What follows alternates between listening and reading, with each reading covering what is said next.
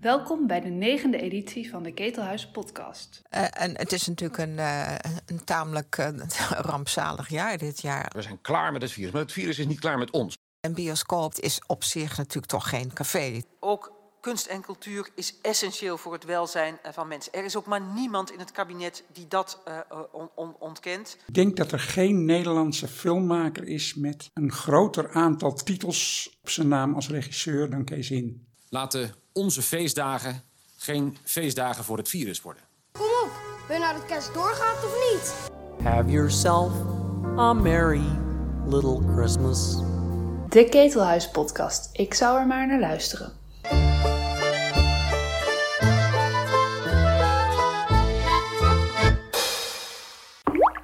Welkom bij de negende editie van de Ketelhuis podcast. De podcast waarin wekelijks film in het algemeen en de Nederlandse film in het bijzonder vanuit allerlei invalshoeken worden besnuffeld en besproken. Mijn naam is Floortje Smit. In deze editie laat Nico van den Berg zijn licht schijnen over Winnie Zorgdrager, voorzitter van de Nederlandse Vereniging van Bioscopen en Filmtheaters. Worden er enkele sterfgevallen van 2020 onder de loep genomen door Hans Berenkamp, de conciërge van het Schimmerrijk, en zet Alex de Ronde de recente feiten op een rijtje over de coronasteunmaatregelen voor de culturele sector. Maar nu eerst dus Nico van den Berg over Winnie Zorgdrager. 2020 was voor niets of niemand echt een geweldig jaar, om het maar zacht uit te drukken. Maar het was zeker ook niet het jaar voor de branchevereniging van de Nederlandse bioscopen en filmtheaters, ofwel de NVBF. En dat begon al voor het woord corona ons in maart definitief in de greep kreeg, na wekenlang een ver van mijn bedshow te zijn geweest. Het lijkt inmiddels een eeuwigheid geleden dat op 7 januari de bioscoopbranche een vol Tuschinski juichende cijfers over 2019 presenteerde. Martin Koolhoven, een van de meest gevestigde filmmakers van ons land, kreeg er uit handen van Mario Bruna een zilveren roosje uitgereikt. Vlak nadat Bruna dit een aanmoedigingsprijs had genoemd. Waarschijnlijk had hij een deel van de filmcarrière van Koolhoven even gemist. Bruna zal te druk met boeken zijn geweest. What's in a name? Want in een kort praatje op het Tuschinski-podium noemde hij film een vluchtig medium en hield vooral een warm pleidooi voor boeken. Dat was pas cultuur. Een ander opmerkelijk moment die dag kwam van de voorzitter van de NVBF, Winnie Zorgdrager. In haar jaarlijkse speech, waar telkens dezelfde clichés als piraterij en bioscoopbeleving in worden verwerkt, zal dit jaar een persoonlijke noot een opvoedkundige. Haar kleinzoons van 9 en 11 jaar wilden graag met oma naar de nieuwe Star Wars film. Maar oma Soortdrager stak hier een stokje voor, zo zei ze trots in haar nieuwjaarspeech. Volgens haar mochten haar kleinzoons niet eens naar de film toe, omdat de kijkwijzer de film voor 12 jaar en ouder had gekeurd. Ze deed voorkomen alsof ze met pijn in het hart haar kleinzoons deze bioscoopervaring moest ontzeggen. Al klonk in haar woorden ook een zeker dédain door voor zoiets als Star Wars. Plat Hollywood vermaak. Brrr. Als de voorzitter van de NVBF en voormalig justitieminister zich goed in de bioscoopwetgeving zou hebben verdiept, toch niet te veel gevraagd voor iemand in deze functie, zou ze beter hebben geweten. Alleen films van 16 jaar en ouder mogen wettelijk niet door jongeren onder de 16 worden bezocht. Voor het 12-plus advies is het altijd aan de ouder of grootouder om dit te beoordelen. Je wenst de twee kleinzoons in elk geval een leukere oma toe. Half april vroeg NRC-filmredacteur Koen van Zolhaar om een reactie op het nieuws dat Pathé een anderhalf meter protocol had opgesteld dat door de NVBF als algemeen geldend voor de hele bioscoop- en filmtheaterbranche werd bestempeld. De volledige bioscoopsector wordt geacht zich aan Pathés protocol te houden, zo tekende Van Zwol op uit de mond van zorgdrager. De NVBF-voorzitter erkent in het stuk dat veel kleinere bioscopen niet aan de eisen kunnen voldoen.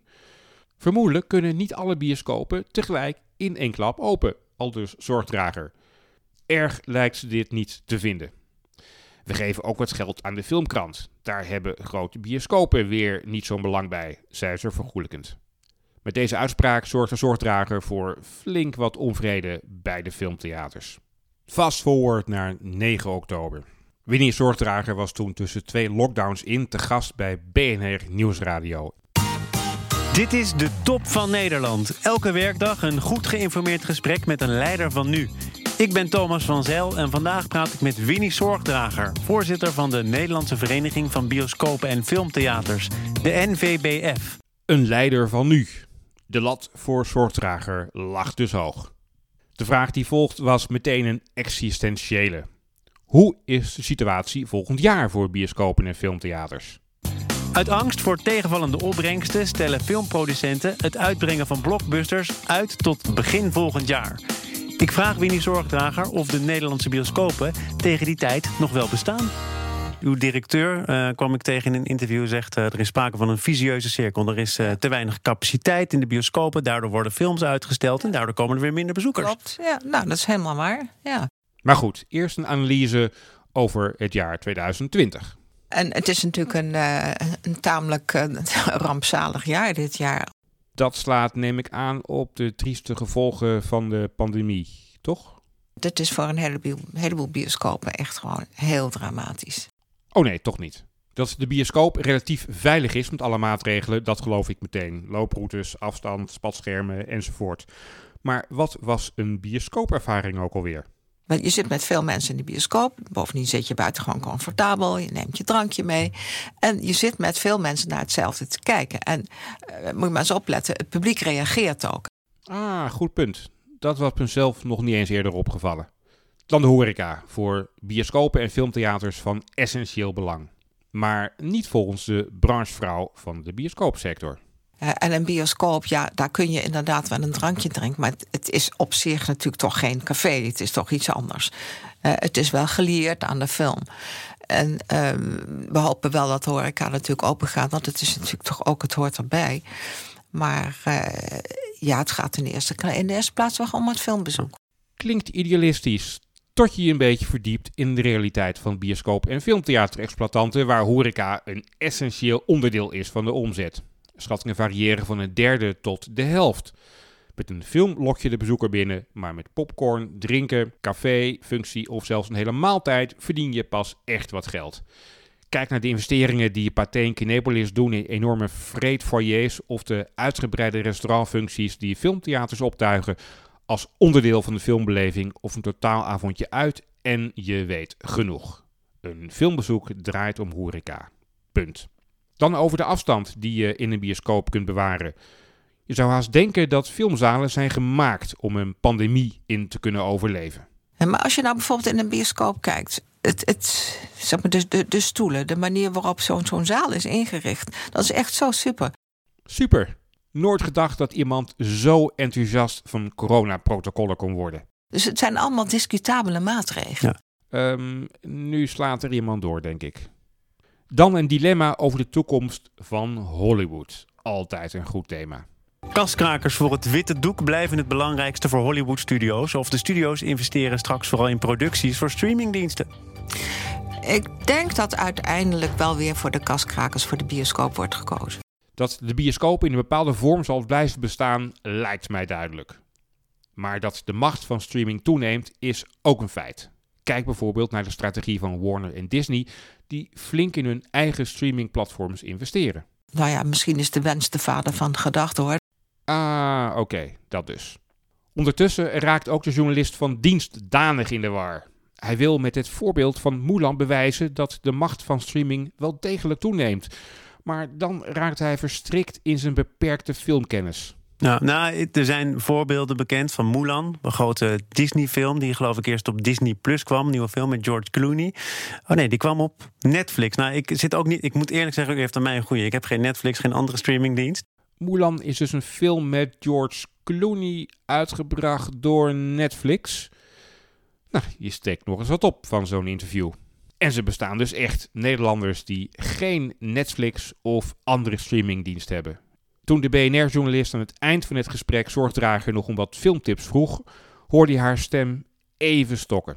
Daar had het boegbeeld van de Nederlandse bioscoop- en filmtheatersector duidelijk niet op gerekend. Er volgde een ongemakkelijke lach en toen kwam al stamelend iets wat vaag op een filmtitel leek. 18 november komt de film Witches. En dat is toch echt wel een, nou ja, een beetje zo'n zo, zo, nou ja, witches, hè? een beetje magie, zeg maar. Nou, een heldere aanbeveling. Haar tweede tip was Shirley, want die had ze toevallig ergens op een festival gezien. Maar waar gaat de film eigenlijk over? Waar ik zelf erg van genoten heb, is de film Shirley. Daar zie je ook allerlei affiches van hier uh, op straat. En dat gaat over een schrijfster. Een beetje, beetje apart type, zeg maar. Maar ik vond het een hele mooie film. Het is een biografie. Het is de trieste balans van een treurig jaar. Winnie Zorgdrager, voorzitter van de NVBF. Een beetje apart type, zeg maar. Wie zijn ons in 2020 zoal ontvallen in de internationale filmwereld? Luister naar Hans Berenkamp, de conciërge van het Schimmerrijk.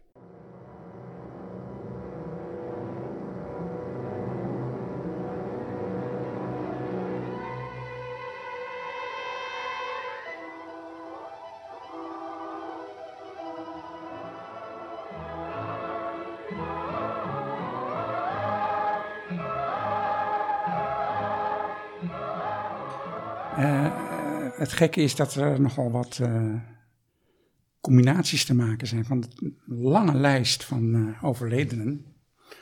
Ik denk aan het echtpaar, voormalig echtpaar Michel Piccoli en Juliette Gréco.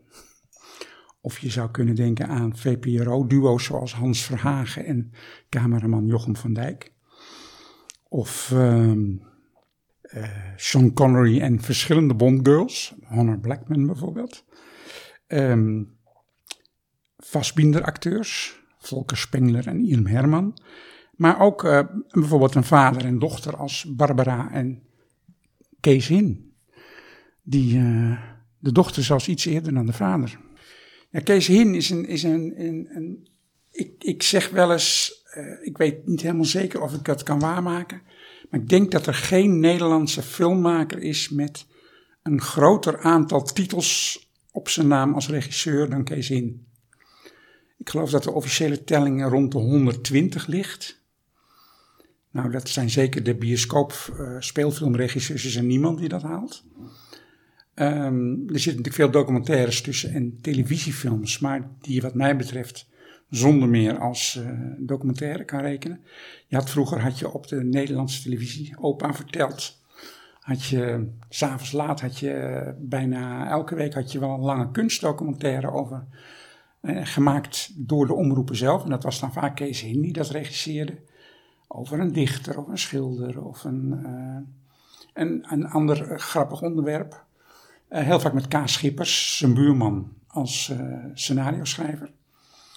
Nou, dat was eigenlijk heel erg interessant. Dat werk van, van Kees is bovendien ehm, eigenlijk onnavolgbaar, omdat hij uh, hele interessante vormexperimenten deed. Bijvoorbeeld dan, uh, heeft van gemaakt over de, de fotocollectie uh, bij Merkelbach, de gevoelige plaats, waarbij hij allemaal foto's van gewone mensen achter elkaar zet, die in hun fotoarchief zijn gevonden. En dat wordt dan ineens heel spannend door de montage. Of bijvoorbeeld ook een grandioze film. Roodkapje verteld door 120 Nederlanders een, een mooie stoel is neergezet met een camera ervoor. Het sprookje van Roodkapje is verdeeld in 120 stukjes. En zeer verschillende mensen, jong, oud, die zeggen allemaal een paar woorden uit het verhaal. En dat wordt in de film gemonteerd achter elkaar, alsof, het een, uh, alsof je gewoon naar het sprookje luistert. In een klein huisje, dicht bij een groot donker bos, woonde eens een meisje dat... Roodkapje heette. Wat een vreemde naam eigenlijk, Roodkapje. Maar dat kwam zo. Haar moeder had... De kleine meid. Eens een mutsje gegeven dat zo lief en aardig stond dat... De mens haar Roodkapje begon te noemen. Of was het dan misschien eerder een mutsje? Dan een kapje. Zo gaat dat soms. Je heet eigenlijk heel anders. En toch bedenken. De mensen een andere naam voor je. Van Roodkapje weten we niet eens hoe ze... Echt heette het is allemaal alweer zo lang geleden toen het verhaal begon. Waarin? Roodkapje zo'n grote rol zou spelen. In elk geval was ze heel lief en zorgzaam. Omdat juist die, die rare ordening en het, eh, het onafvolgbare brein van Kees, die combinaties maakte die andere mensen misschien niet zo snel zullen maken, dat is wel heel erg wat hem typeerde. Dat hij altijd een rare hoek omging. En het grappige is, dat deed hij ook in uh, er zijn talloze bestuursfuncties. Er is bijna geen filminstelling in Nederland geweest waar Kees Hin geen bestuurder van is geweest. Ehm, en dan zou je denken, ja, het is toch geen makkelijke, gladde prater die uh, mensen bij elkaar brengt. Maar doordat hij zo raar out of the box lacht en voortdurend een andere hoek omging, vond iedereen het eigenlijk een hele interessante en goede bestuurder die met onverwachte benaderingen en ideeën kwam. Een soort, soort uh, orakel, ja. Nou ja, kijk, en, en, en er zijn natuurlijk veel meer uh, grote namen waar we iets uh, van zouden kunnen vinden. Als we dan toch over duo's hebben, hebben we het over, qua ereleden van de KNF, Fred Bretschneider en Peter van Buren. Uh, ander duo zijn twee regisseurs uit de Praagse Lente, Ivan Passer en Jerzy Menzel. En ook twee grote filmcomponisten, Lenny Niehaus, die heel veel films van Clint Eastwood van een al dan niet jazzy score voorzag. En natuurlijk uh, kwantitatief ook onovertrefbaar in ieder geval. De meest invloedrijke filmcomponist van de 20e eeuw, Ennio Morricone. Naar verluid uh, heeft hij uh, zo'n 500 films van een soundtrack voorzien. En dat is een beetje vals spelen, want hij deed heel vaak, deed, hij gebruikte die dingen twee keer. Soms hele stukken zelfs. Uh, maar dat hoorde er een beetje bij uh, zijn opvatting dat je in muziek moet alles kunnen. Je moet kunnen samplen, je moet dingen opnieuw kunnen gebruiken, je moet dingen achterstevoren kunnen doen. En Morricone kennen we natuurlijk vooral als de componist van de grote spaghetti westerns van Sergio Leone. Bijvoorbeeld The Good, The Bad and The Ugly.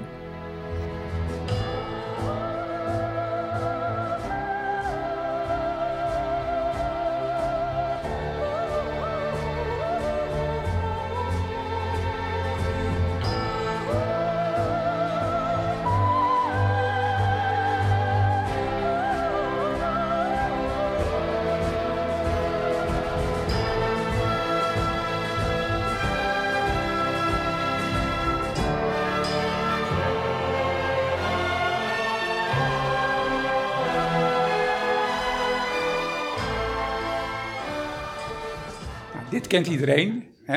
Je kan het ook bijna meefluiten of zingen of uh, stampen. Maar wat mensen zich niet realiseren is dat Morricone, die aan het conservatorium uh, trompet had gestudeerd en, en, compositie, ook een soort moderne klassieke componist was. Hij had het heel hoog in de bol hoor. Hij, hij, hij stond er ook op dat iedereen hem maestro noemde. en, maar hij, hij had ook echt wel een visie op muziek die niet gebruikelijk is. Uh, ik denk dat je hem in de Nederlandse traditie dat hij toch dichter bij Louis Andriessen staat dan bij Rogier van Otterlo. In de zin dat, uh, dat hij soms ook hele tegendraadse uh, muziekjes maakt, die een beetje ja, tegen, bij, soms bijna tegen het atonale aan. echt vernieuwende muziek. En die zijn dan wat minder bekend. En, en, maar ik vond bijvoorbeeld een heel grappig stukje, een slaapliedje voor overspeligen uit een volstrekt onbekende film een komedie uit 1971. Nina Nana per Adulteri.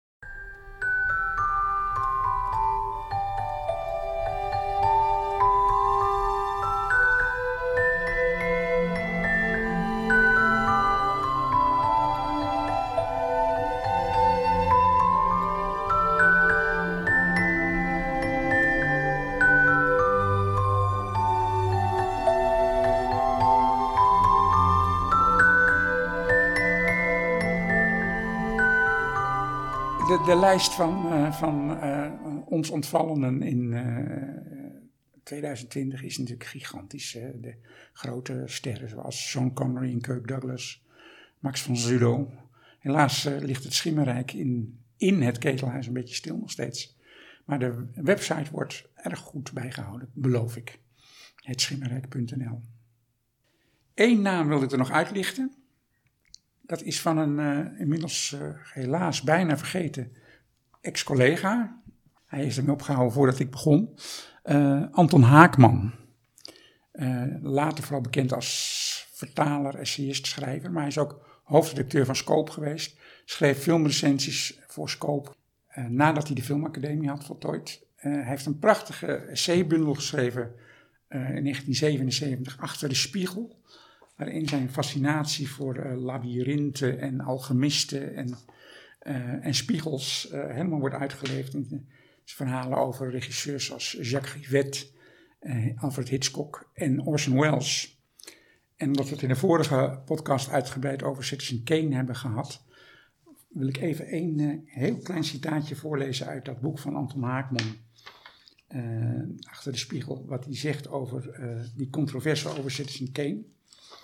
Pauline Kael die vond dus dat die film helemaal niet van Orson Welles was, maar van de scenario schrijver Herman J. Mankiewicz. En dan zegt hij over Pauline Kael, een van de grootste, meest gewaardeerde filmcritici aller tijden, zegt ze eigenlijk is ze een critica van het bekende slag. Ze kijkt niet, ze luistert niet, maar ze beoordeelt scenario's. En dat vind ik een hele interessante uh, opmerking van uh, Haakman een beetje ook een outsider in het wereldje van de filmkritiek. Maar hij slaat wel de spijker op de kop. Dat de klassieke fout in veel filmkritieken is dat het verhaaltje wordt naverteld. Uh, en, dat dan de film uh, beoordeeld wordt vervolgens op de verdiensten van het verhaaltje. Dan, dan heb je het alleen maar over het scenario, terwijl het natuurlijk in een film over veel meer gaat. Wat heb je met dat scenario gedaan? Uh, ik heb wel eens gezegd in een college dat het, de ideale filmkritiek beschrijft uh, het verhaaltje in een bijzin.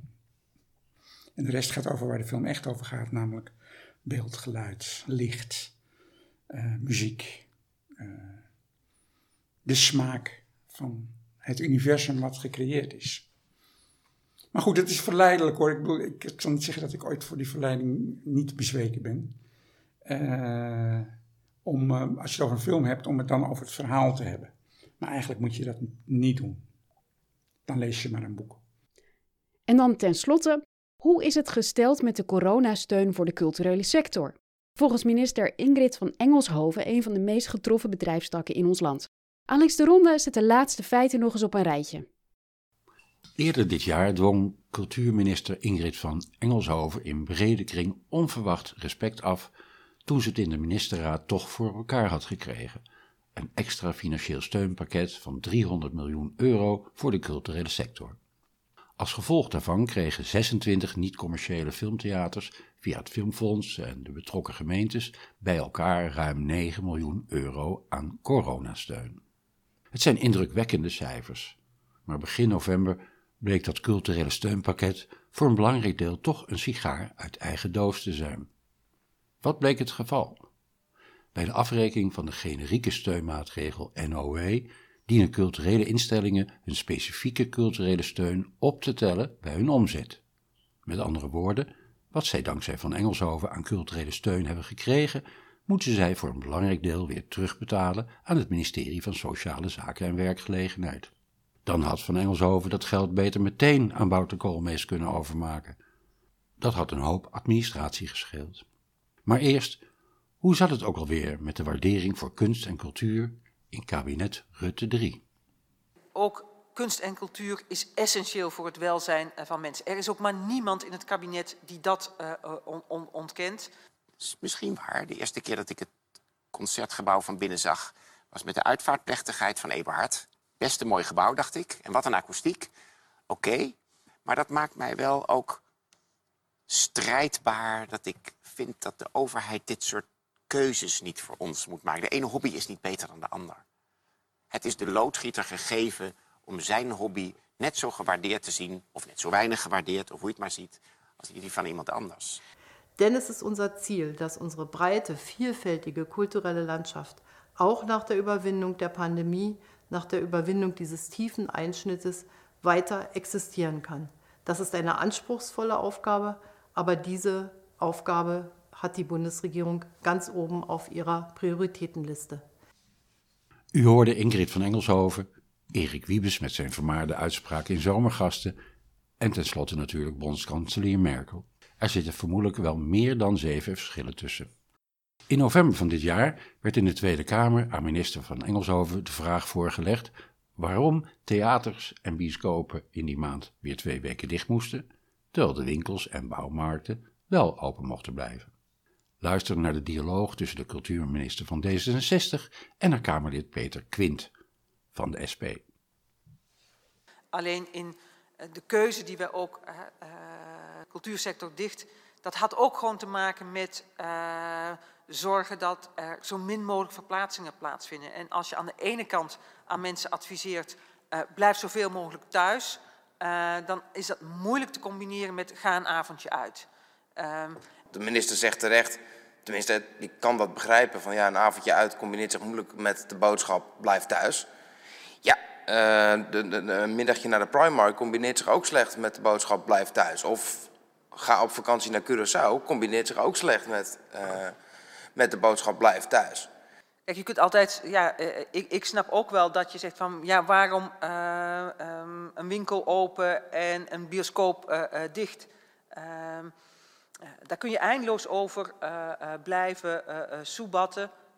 En dan nu de sigaar uit eigen doos. Op 16 november laat Van Engelshoven in een brief weten dat de cultuursector nog steeds behoort tot de zwaarst getroffen bedrijfstakken. Maar om dubbelfinanciering te voorkomen is het inderdaad zo dat andere subsidies worden verrekend met de NOW. Even later rept ze in de Tweede Kamer met geen woord meer over dubbelfinanciering, maar benadrukt zij telkens dat het praktisch vrijwel onmogelijk is om bij de afrekening van de NOW de toegekende culturele steun buiten beschouwing te laten. Ze verwijst daarbij heel gewichtig naar de elders in het Kamergebouw gevoerde discussie over de toeslagenaffaire. Ja, dat soort toestanden moet je natuurlijk niet hebben. Luister naar Van Engelshoven en Kirsten van den Hul, Kamerlid namens de Partij van de Arbeid. Wij moeten ook aandacht hebben voor de uitvoering. En als wij subsidies uh, en extra steun um, niet zouden moeten meerekenen voor het omzetbegrip in de NOW, dus daar geen samenloop laten staan, dat is gewoon in de uit, voor de uitvoering nauwelijks te doen. Maar die kwijtschelding van huur uh, kan wel en daarmee bied ik volgens mij voor gemeenten ongelooflijk veel ruimte om uh, uh, instellingen tegemoet te komen. En ik was zelf heel blij ehm, dat dat is opgelost. Overigens is het ook goed om te weten dat een lening bij het Nationaal Restauratiefonds of bij Cultuur en Ondernemen ook niet meegerekend wordt bij de verrekening met de NOW. Mevrouw Van Hul heeft een vraag. Ja, voorzitter, want ik, ik snap toch niet helemaal wat nou precies het probleem is. Wij hadden uh, gevraagd uh, waarom instellingen nog altijd worden gekort als zij uh, middelen uit het specifieke pakket voor cultuur ontvangen. De minister hoor ik nu eigenlijk zeggen, um, ja, dat is zo om, omdat het lastig is uit te voeren om het anders te doen. Maar waar, waar zit dat dan precies in? Waarom is dat zo lastig? Het lijkt mij dat het juist uh, andersom zou gelden. Dat het makkelijker is om ze uh, uh, niet te korten, überhaupt. Dat is toch eenvoudiger? Um, dit is niet iets wat alleen voor de cultuursector geldt. Hè. De NOW is een uitkering die aan ongelooflijk veel uh, bedrijven en instellingen wordt uh, verleend. En dat moet, uh, willen we daar mensen mee kunnen helpen, uh, moet dat snel zijn en moet je ook de afrekening daarvan niet te ingewikkeld maken. En dat betekent dat uh, het voor de uitvoering niet mogelijk is om uh, per sector en per inkomensstroom te gaan nagaan, is dit, is dit subsidie, zijn dit eigen inkomsten. Als je dat allemaal uit elkaar moet, dan wordt gewoon die uitvoering heel complex. Wacht nou eens even, Hoezo niet uitvoerbaar? Ik heb in mijn hele leven nog nooit zo'n eenvoudig afrekenformulier gezien als dat van de NOW. Je vult in hoeveel kaartjes je hebt verkocht en hoeveel kopjes koffie en zo. En hoeveel procent omzetverlies dat betekent ten opzichte van het jaar ervoor. En klaar. Of je de culturele steun daar nou bij optelt of niet, dat is bijzaak. Maar kennelijk vindt de minister het er niet bij optellen veel onuitvoerbaarder dan het er wel bij optellen. Iets niet doen is veel lastiger dan iets wel doen. Hier kan Winnie de Poe nog een puntje aan zuigen. Ze zeggen dat niks onmogelijk is, zei Poe. Maar ik doe heel vaak niks. Kamerlid van den Hul diende een motie in en Van Engelshoven reageerde daar weer netjes op. Let op de spreeksnelheid van Van den Hul. Dat is parlementaire democratie in de vierde versnelling. De Kamer hoort te beraadslagen en constateren dat gemeentelijke steun en culturele instellingen wordt verrekend met de nauw. Constateren dat dit gemeente huiverig maakt om additionele financiële steun te verlenen. Verzoekt de regering om te onderzoeken hoe de richtlijnen van de nauw kunnen worden aangepast. Zodat steun niet met de nauw wordt verrekend. Gaat over tot de orde van de dag. Dan uh, de motie op stuk nummer uh, 13 uh, van mevrouw uh, van, van de Hul. Ja, dit is eigenlijk het, het, gesprek wat ik continu uh, voer met uh, sociale zaken, ook om te kijken hoe kunnen we uh, op, optimaliseren. op het punt van de verrekening van de huur is dat gelukt. Ik wil best nog een keer het gesprek aan om te kijken of dat verder kan. Ik heb aangegeven, ja, ik let op de uitvoerbaarheid. zie ik ook bezwaren van SZW. maar als u mij vraagt, kijk daar nog een keer naar, dan wil ik dat graag doen. Met de kanttekening, ik acht de kans zeer gering dat het uh, uh, lukt. Uh, maar je moet altijd bereid zijn op zoek te gaan naar een betere oplossing. Een week later werd die motie aangenomen door de oppositie plus D66, CDA en ChristenUnie. Wordt dus vervolgd. Tot zover deze Ketelhuis-podcast. Deze podcast wordt gemaakt door Hans Berenkamp, Nico van den Berg, Alex de Ronde, Floortje Smit en Lieselotte Roodbol. De Ketelhuismelodie werd zo'n 20 jaar geleden gecomponeerd door Sylvia Holstein. Je vindt de Ketelhuis podcast in je favoriete podcast app en natuurlijk op onze website ketelhuis.nl/podcast. Hou ons in de gaten, we zijn snel weer terug met een nieuwe podcast.